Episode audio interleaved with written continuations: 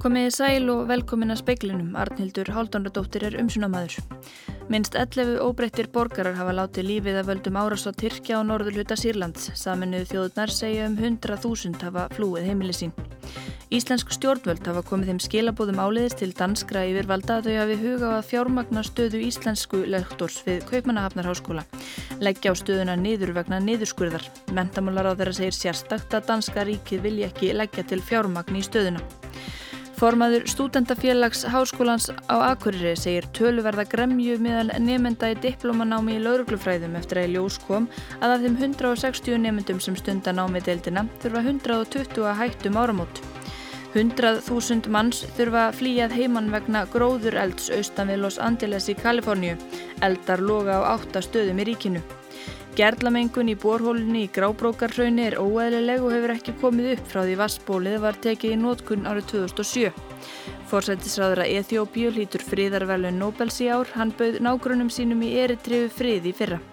Arctic Circle er stórmerkileg samkoma, þetta segir utanríkisræðura um þing ringborðs norðurslóða sem nú er í fullum gangi. Samískir reyndýrabændur taka undir, speilin kynnti þér þetta stóra þing sem laður að 2000 gesti viðsveðar aður verildunni og beinin líka sjónum að ungum hérastjóra við heimskutspög sem Pútin hefur handvalið. Minst 11 óbreyttir borgarar hafa látið lífið að völdum árasa Tyrkja og norðurhluta Sýrlands. Alþjóðar auðukrossin óttast að mikil neyð blasi við sýrlendingum enn á ný. Sókn Tyrkja en í norðurhluta Sýrlands hefur haldið áfram í dag en á þeim fórsendum að veri sig að skapa örugt svæði til að tryggja öryggi Tyrklands. Staðfest er að yfir 40 kurdískir hermenn hafa fallið og fjórir tyrkneskir. Þá reyndu félagar í samtökunum sem kenna sig við Íslamst ríki að flýja úr haldi kurda eins og óttast hafi verið að gæti gerst. Svo tilraun mistókst. Mannréttindar á saminuðu þjóðana segir að minst átta óbreyttir borgarar hafi fallið í átökunum og saminuður þjóðunar teljaðum 100.000 manns hafi þurft að flýja heimilisinn í Sýrlandi. Íslensk stjórnvöld hafa komið þeim skilabóðum áleiðis til danskra yfirvalda að þau hafi huga á að fjármagna stöðu íslensku lektors við Kaupmannahafnarháskóla. Leggja á stöðuna niður vegna niðurskurðar. Mentamálar á þeirra segir sérstakt að danska ríkið vilja ekki leggja til fjármagn í stöðuna. Lilja Alfredsdóttir, mentamálar á þeirra, kynnti þetta á fundi ríkistjórnarinnar í morgun. Hún hefur átt í viðræðum við þrjá danska mentamálar á þeirra um stöðu íslensku við háskólan. Nýtt fjárlega frumvarp í Danmörku leitt dagsins ljós í byrjun mánadar og þá var ljóst að þær viðræður hefði ekki skilað miklu. Staða lektors í nútíma íslensku verði lögðu niður sem þýðir endalokk kennslu í nútíma íslensku við Kaupanafnar háskóla. Lilja segir í samtali við fréttastofu að þeim skilabóðum hafi verið komið áleiðist til Danmörkur að íslensk yfirvöld vilji fjárfesta í þessari stöðu og segir mjög sérstakt að Dan danska ríkið vilja ekki leggja til peninga í þetta starf. Þetta verður þó gert í samfunnu við dönsk stjórnvöld. Ráð þeirra segist hafa fullan stöðning ríkistjórnarinnar og hefur sendt bríf til Kaupmannhafnar háskóla þar sem þessari afstöðu er líst. Framkom í danska umræðu þættinum Deadline á DR á sunnudag að íslensk stjórnvöld hefðu áíkjur af þeim handritum sem eru varðveitt í Danmörku. Lilja hefur þegar líst yfir vilja sínum að fá fleiri handrit til landsins og segir að á fundi ríkistjórnarinnar í morgun hafi verið verið ákveð að skipa samráðshóp til að mæla árangurinn af handritasamningnum. Hún segir mikilvægt að auka vitundarvakningu um mikilvægi handritana fyrir norræna menningu og að þau verði aðgengileg öllum. Freyr Gíja Gunnarsson tók saman. Formaður stúdendafélags Háskólans á Akureyri segir tölverða gremju vera meðal nefnda í diplómanámi í lauruglufræðum eftir að í ljós kom að þeim 160 nefndum sem stunda námi deildina þurfa 120 að hætta um áramót til stóða bjóða þeim sem ekki komast gegnum fjöldatakmarkanir aðra námsmöguleika ef plásleiði. Til stóð að bjóða þeim hópi nefnda sem ekki komast í gegnum fjöldatakmarkanir að sækja um aðrar námsleiðir innan hug- og félagsvísindasviðs ef plásleiði. Nú er ljóst að svo verður ekki þar sem þær deildir geta ekki tekið við fleiri nemyndum. Solveig Maria Árnadóttir er formaður stúdentaráðs Háskólans á Akureyri. Það var sagt þess að upphafi að mögulega ef það veri pláss í einhverjum örum deildum þá gætu nemyndur hafið nám þar sem þróttum. Ég kannski kemst ekki áfram í lauruglufræði þá sæk ég um í félagsvísindum. Uh, en það var alltaf bundið, það var byrt með fyrirvara og það var sem bara staðfyrst núna að það er ekki pláss neinstar annar staðar þannig að nefnendur sem komast ekki gegnum klásus þeir bara því meður þurfa að hætta námið sinu og bara prófa aftur á næsta ári eða eitthvað svoleiðis. Saði Solveig Marja Árnadóttir Óðinn Svan Óðinsson tók saman. Yfirvöld í Kaliforníu hafa fyrirskipað að 23.000 íbúðar hús skuli rýmd þegar í stað vegna gróðuralds norðan við Los Angeles. Einn er látin og töyir húsa hafa þegar orðið eldinum að bráð. Hátt viðbúnaðarstig er í gildi víða í ríkinu. Flytja þarf um 100.000 manns að heiman vegna eldsins að sögn lauruglunar í Los Angeles. Opnum það var verið fjögur neyðar skíli fyrir fólk og lítil gæludýr. Að minnstakosti eitt er þegar orðir tróð fullt. Fjölmiðlar í Kaliforníu hafa eftir Ralf Terrazas slökkulistjóra að aðstæður til slökkvistarafa séu afar erfiðar og því séu um að gera fyrir fólk að forða sér sem allra fyrst. Eldurinn kom upp í gerðkvöld í Sílmar hverfi nýrst í Los Angeles. Hann hefur breyðst mun hraðar út enn í fyrstu var búist við. Gróður er mjög þurr um þessar mundir og tölverður vindur. Á 15.000 hektarar gróðurlendis hafa þegar brunnið. Um þúsund slökkviliðsmenn berjast við eldin. 25 sjúkrabílar flytja á brott fólk sem er orðið aldrað eða á óhæknið að hreyfa sig. Einn slökkviliðsmaður hefur slasast lítilega til þessa. Karl maður á 60 aldri lést af hjartaslægi en að öðru leiti er ekki vitað um manntjón. Frettastofa CBS segir að gróður eldar logi á áttastöðum í Kaliforníu þessa stundina. Hátt viðbúnaðarstig er í gildi víða í ríkinu. Áskir Tómasson sagði frá. Starfsmenn Reykjalundar sendu frá sér yfirlýsingu nú á sjötta tímanum þar sem fram kemur að starfsmennitir harmi það fordæmalausa ástand sem skapaðist á Reykjalundi þegar framkvæmdarstjóra lækninga var fyrirvaralaust vikjúr starfi þann 9. oktober.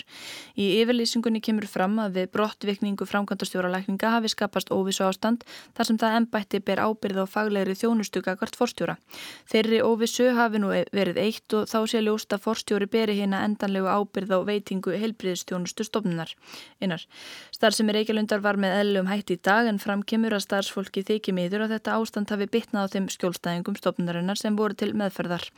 Þá kemur fram í yfirlýsingunni að starfsmaður Reykjalundar sem tjáði sig við fjölmiðla vegna ástandsins hafi fengið sendan starfsmaður, já, hafi fengið sendan afsakið, tölvupost frá aðila tengdum stjórn SIBS sem tólka megi sem hótun og að við slíkt verði ekki unað. Landsréttur staðfest í dag fjögur ára dóm hérastóms Norðurlands eistra yfir Vigfúsi Jóhannesinni fyrirverandi bótsja þjálfara á Akureyri sem var sagfældur fyrir að nauðka þróskaskertri stúlku sem hann þjálfaði. Brotin voru ítrekuð og stóðu yfir í heilt ár. Í dómi hérastóms kemur fram að við ákverðun refsingarinnar hafi meðal annars verið hort til þess að Vigfús yðraðist ekki hátsemi sinnar hið minsta. Í dómi hérastóms sem er byrtur með dómi landsréttar kemur fram að Vigfús hafi ekki áður gert segur um refsiverða hátsemi. Hann hafi fyrst komið sér í mjúkin hjá stúlkunni með því að höfða til samúður hennar en síðan komið sér í æg sterkari stöðu gagvartenni. Gerlamengun í borhólunni í Grábrókarraunni er óeðl er óeðlileg og hefur ekki komið upp frá því vassbólið var tekið í nótkunn árið 2007. Ástæður gerlamenguninnar eru ekki ljósar og veitur rannsaka nú hver upptök hennar eru. Vassbólið er undir hrauni og því ekki dæmigert að mengun sem þessi gerir vart við sig. Þetta vassból hefur verið viðkvæmt eh, aðlega fyrir gruggi. Eh, jarlögin sem að þarna er borað onni eru þannig og, og við höfum ekki eh, þurft að hafa áhyggjur af þessu vassbólu með tilliti til gerla. Nauðsynlegt er að sjóða allt vatn úr vassbólunni þar til nýr lýsingarbúnaður verður settur upp í næstu viku. Lýsingarbúnaðurinn geyslar vatnið með útfjólublái ljósi og gerir þannig gerðla óvirka áður en vatnið fer í vassveituna. Lýsingarbúnaðurinn er komin á staðin og er nú prófaður fyrir uppsetningu. Elsa Maria Guðlögs Strífudóttir rætti við Eirík Hjálmarsson frá Veitum. Ísland tekur á móti heimsmyrstur um Karla í fótbolta í liði Fraklands í kvöld leikurinn er hlut af undankeppni EM 2020. Það er mikill viðbúnaður á lögudarsvelli búið að koma upp hátt í 30 myndavilum og 110 franskir fjölmjölamenn á stanum. Byrjunarlið Íslands er klárt, Guðlaugur Viktor Pálsson, leikmaður SVF Darmstadt 98 í Þískalandi kemurinn í liðið, Rúnar Már Sigur Jónsson verður á miðjunni miðri í fjárveru fyrirliðans Arons Einars Gunnarssonar sem er mittur, Jóhann Berg Guðmundsson kemur inn eftir meðsli en Alfred Fimboarsson er á varamannabögnum. Sjómarsútsending hefst núna klukkan 18.10 en leikurinn byrjar klukkan 18.45 og er í beitni útsendingu á Rúf. Frettir í sjónvarpi verða klukkan 10 mindur yfir nýju.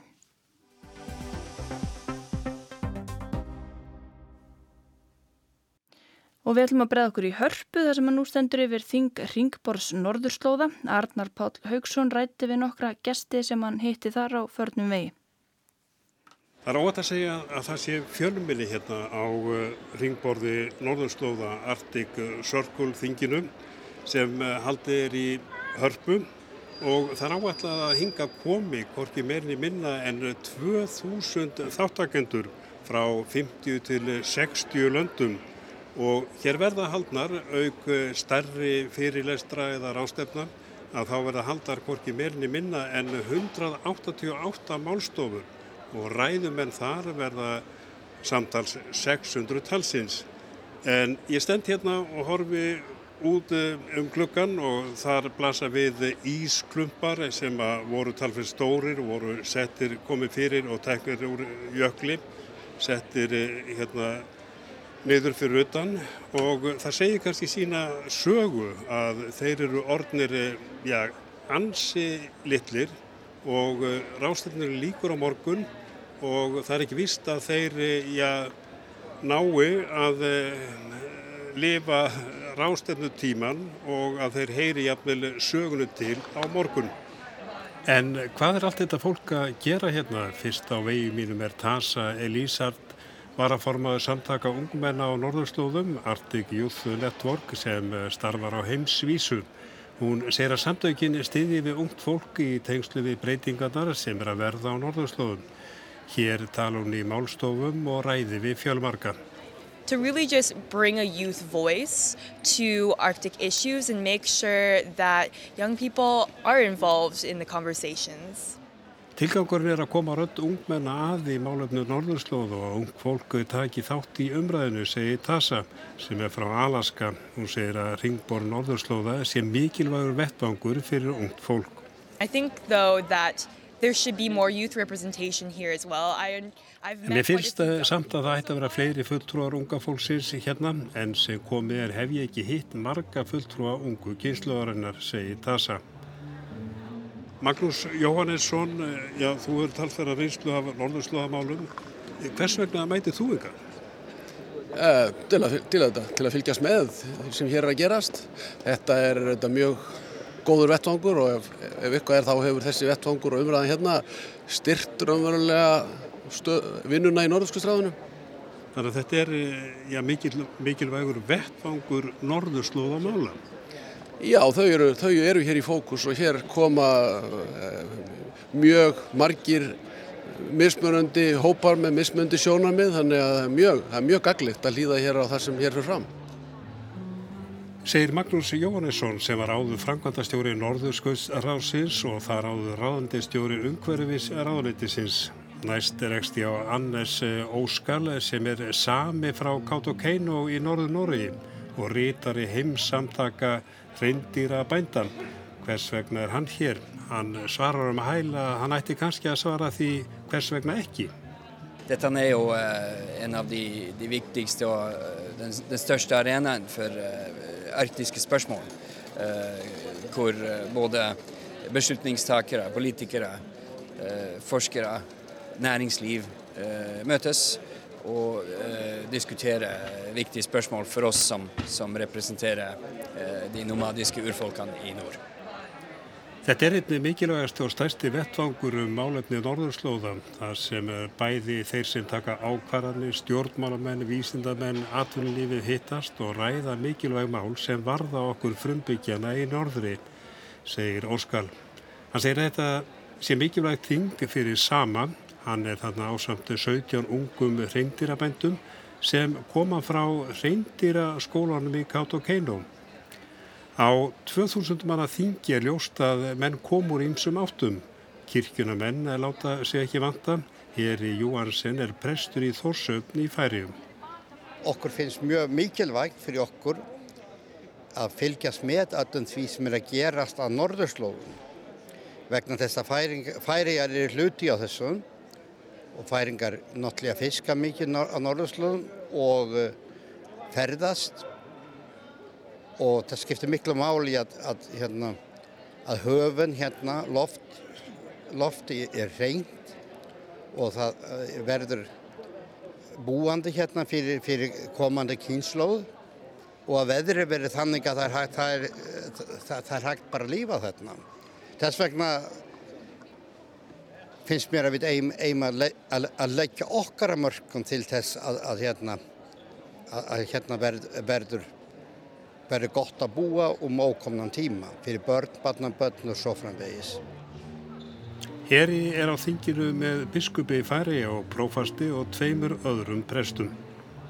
Hérna rekst ég á sjálfan auðarringisráþarann, Guðlaug Þór, Þórðarsson. Já, ég spyrði bara eins og hérna, hvað er þú að gera þetta?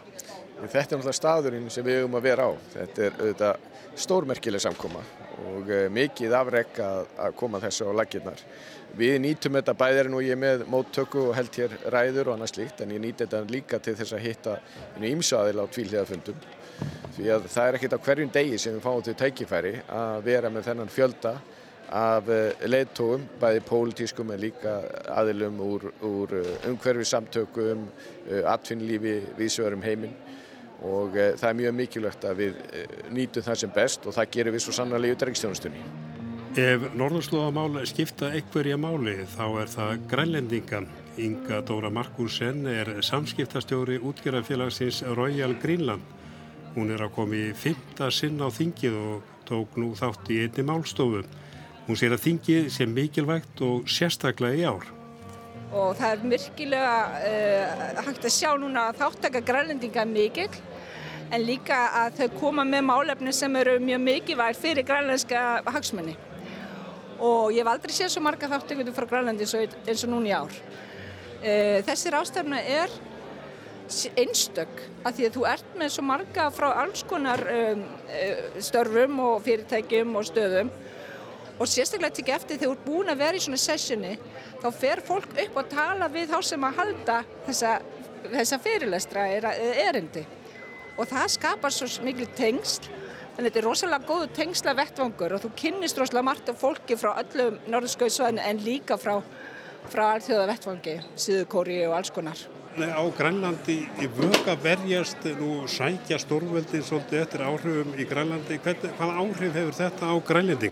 Þetta hefur mjög á, mikil áhrif og, og gefur okkur svona svolítið búst í tengslum við okkar hagsmunni, grænlandska hagsmunni. Eitt sem ég tekki eftir og kannski er ég að segja eitthvað sem ég kannski eigi ekki verið að tjá mig um en, en mér finnst það að vera svolítið að hinn árin hafa margir danir verið á vettvagnu um, um málefni norðurslóða á vegum grænlandska þjóðarinnar og náttúrulega Danmörkur að því við erum í þessu samskiptum og þannig. En núna í ár bara öðruvísi vilja grælendingar taka því að sér þessi málefni og tala um þetta sjálf og það er svolítið mikilvægt sérstaklega eftir uh, það sem gerist núna í ágúst með bandaríkinn og þessi áhug sem er vakna fyrir grænlendi uh, sérstaklega svona geopolitically speaking. Eh, Ég kom hérna fyrir utan uh, hörpu og horfi á ísklumpana eða ísjakana brána hratt og öruglega og hérna fyrir utan er, er fólk frá landvenda mótmæla og hérna hjá mér er framkvæmda stjóri landvendar, auður önnu Magnúsadóttir. Já, loftlas aðgerir strax, er ekki verið að tala um það hérna inn í hörpu? Það er verið að tala um ímislektin í hörpu, meðal annars lofslagsaðgerð strax, en það er líka verið að tala um það hvernig er best að nýta orkulindir á norðskautsvæðinu. Það finnst okkur vera algjörlega á skjön við allt sem við viljum gera sem samfélag. Þannig að við viljum vekja aðtegla á því að við verðum að fara í lofslasaðgerð strax og það að nýta oljulindir á norðskautinu er ekki lofslasaðgerð strax. Þannig að Artur Sörkul, ringborð norðusins, er ekki endilega vettfangur ykkar? Ekki endilega. Það er, það er mjög mikið af, viðbörðum mjög mikið af málstofum hana og margt af þeim fjallar alls ekki um sjálfbarni eða, eða, eða hérna, umhverfsmál og, og er jafnvel stríður á móti því eins og, eins og þessi málstofa. Þarna síðast heyrðum við í auði önnu Magnúsardóttur.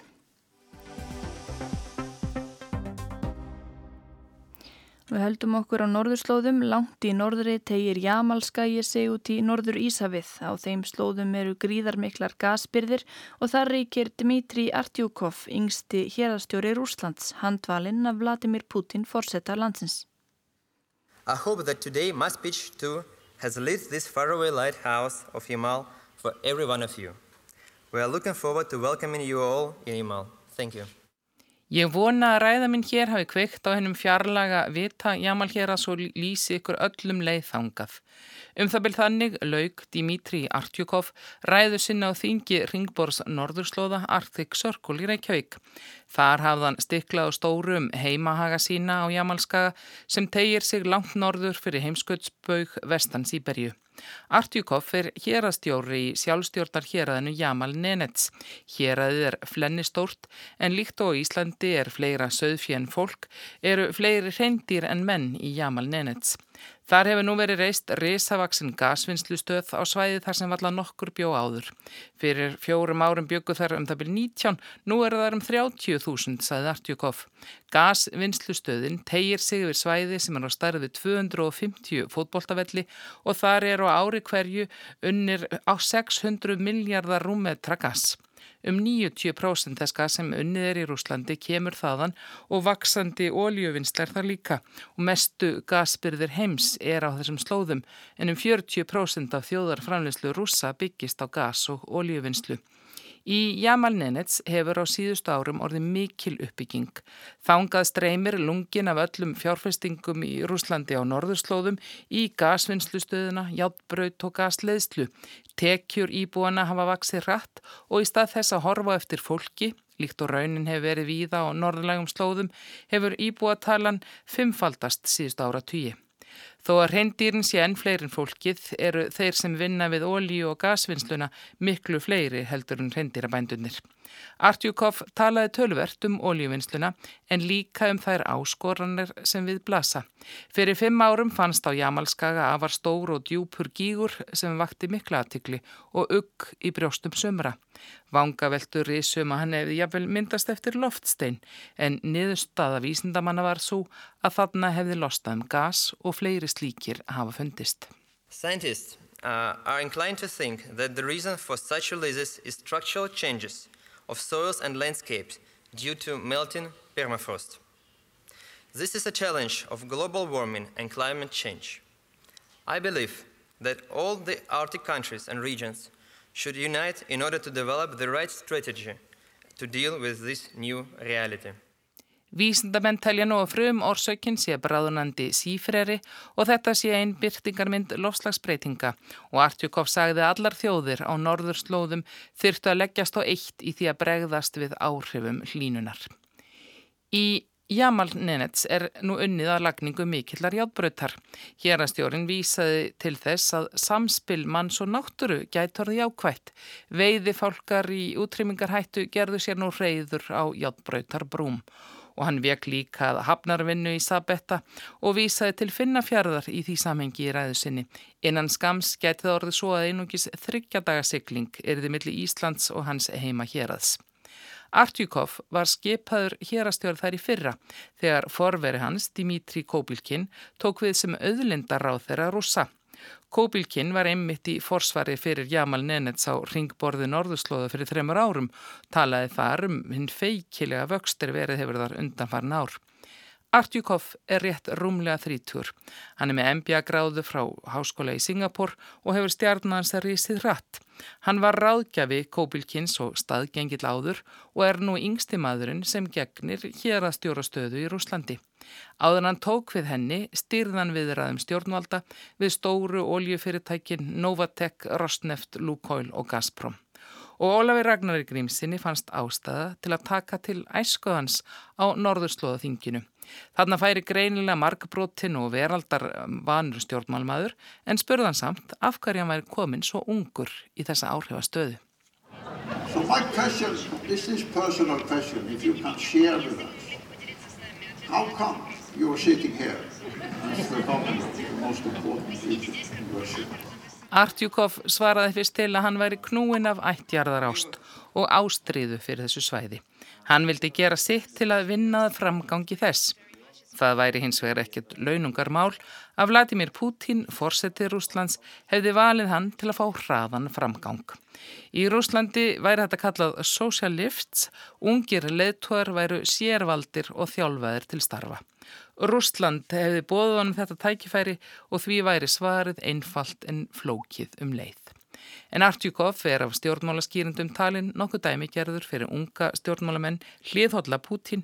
Þegar hann tók við embætti sagði forverinn að Artjúkov væri dæmi um nýja kynnslóð stjórnanda sem væri velmentaðir og hefðu auðlast reynslu við úrlaust flókinaverkefna í stjórnsíslunni. Anna Kristín Jónsdóttir saði frá. Abiy Ahmed, forsættisráð þeirra Eþjópíu, lítur friðarverlun Nobels í ár. Hann bauð nágrunum sínum í eritriðu friði fyrra og þykir því uppfylla nákvæmlega bókstaf stoppskrár Alfreds Nobels. Þetta kemur ekki óvart eftir vaksandi gaggríni á norsku Nobelsnemdina fyrir frjálslega tólkun á orðum Nobels, Gísli Kristjánsson í Oslo. Berit Reis Andersen, formaðu norsku Nobelsnemdarinnar, steg fram í salin og sagði Ethiopian Prime Minister Abiy Ahmed Ali for his efforts to achieve peace and international cooperation. Abiy Ahmed, fórsættisráð fyrir Eþjópiu, fær friðarverlunin í ár. Einföld rauk eru fyrir að veita Abiy velunin. Hann rétti fram friðarhönd til nágrannana í Eritreu eftir 20 ára ófríð og mandráp. Það varð friður að kalla í það minsta. Þetta er nákvæmlega eftir bókstaf stopnskrár sænska dýmnamít kongsins Alfred Nobels frá árunum 1895. Þar setur hann það sem skilir þið fyrir velununum að hafa staði fyrir fríðaráðstefnu, afvopnun og bræðrarlagi þjóða. Abi hefur aðeins verið fósættisráþur í rúmt ár og leta verða eitt sitt tvista verk að bjóða nágrununum í eritriðu fríð, láta þó hafa borgina Badme sem búið var að slástum í meirinn 20 ár með eintómum hörmungum fyrir báða og allir fóru sáttir heim. Það var nákvæmlega þetta sem Nobel átti við þegar hann bóðaði verlun fyrir þann sem stöðlaði aðvopnun friði og bræðralagi. Undanfærin ár hefur Nobels nefnd norska stórþingsins sett vaksandi gaggríni fyrir að sækja vatnið við lækin í leita verlunahöfum. Auk afkomenda Nobels hefur lögmaðurinn Fredrik Heffermel verið framali í flokki gaggrínanda og kært norsku Nobels nefndina fyrir brot á stopnskráni. Norska Nobelsnæmdin hefur vísað gaggríni Heffermels á bug en fer samt eftir henni og víkur nú frá réttlætingum í mörgum fyrri velunaveitningum þar sem langar útskýringar hefur þurft til að raukstiðja niðurstöðuna. Svo var til dæmis með Barack Obama bandarækjasafásetta sem sagði að stríð var í friður þegar hann tók við velunum þvert á orðana hljóðan í stoppskráni. Þá fekk símamaður og smálánakarl í Bangladesh verðlaunin árið 2006 án annar augljósra skýringa en að maðurinn væri tröstur viðskiptafélagi norska landsímans. Heffermel hefur endar gaggrínt veitinguna núna fyrir að snúast bara um frið í heimatilbúni landamæradeilu en ekki um heimsfrið og afvopnun og bræðrarlag allra þjóða eins og Nobel vildi en þar eru fáir verðugir. Sami vandi var uppi ef réttlætta átti að sænska skólastúrkan Greta Thunberg fengi velunin, að hennar fellur ekki undir bókstafin í stoppskráni. Auk þess er Greta nú í Ameríku og er bókuð á umhverfisráðstefni í Santiago í Síle annan desember. Verlaunin verða afhenda áttadögum síðar og Greta gæti ekki komist heim til Evrópi í tæka tíð nema með flugi en hún ferðast aðeins með seglbátum yfir höfinn. Nobelsnemndin vill helst ekki hafa velunahafana fjárverandi við afhendingun í ráðhúsinu að sögn kunnura hér í borg.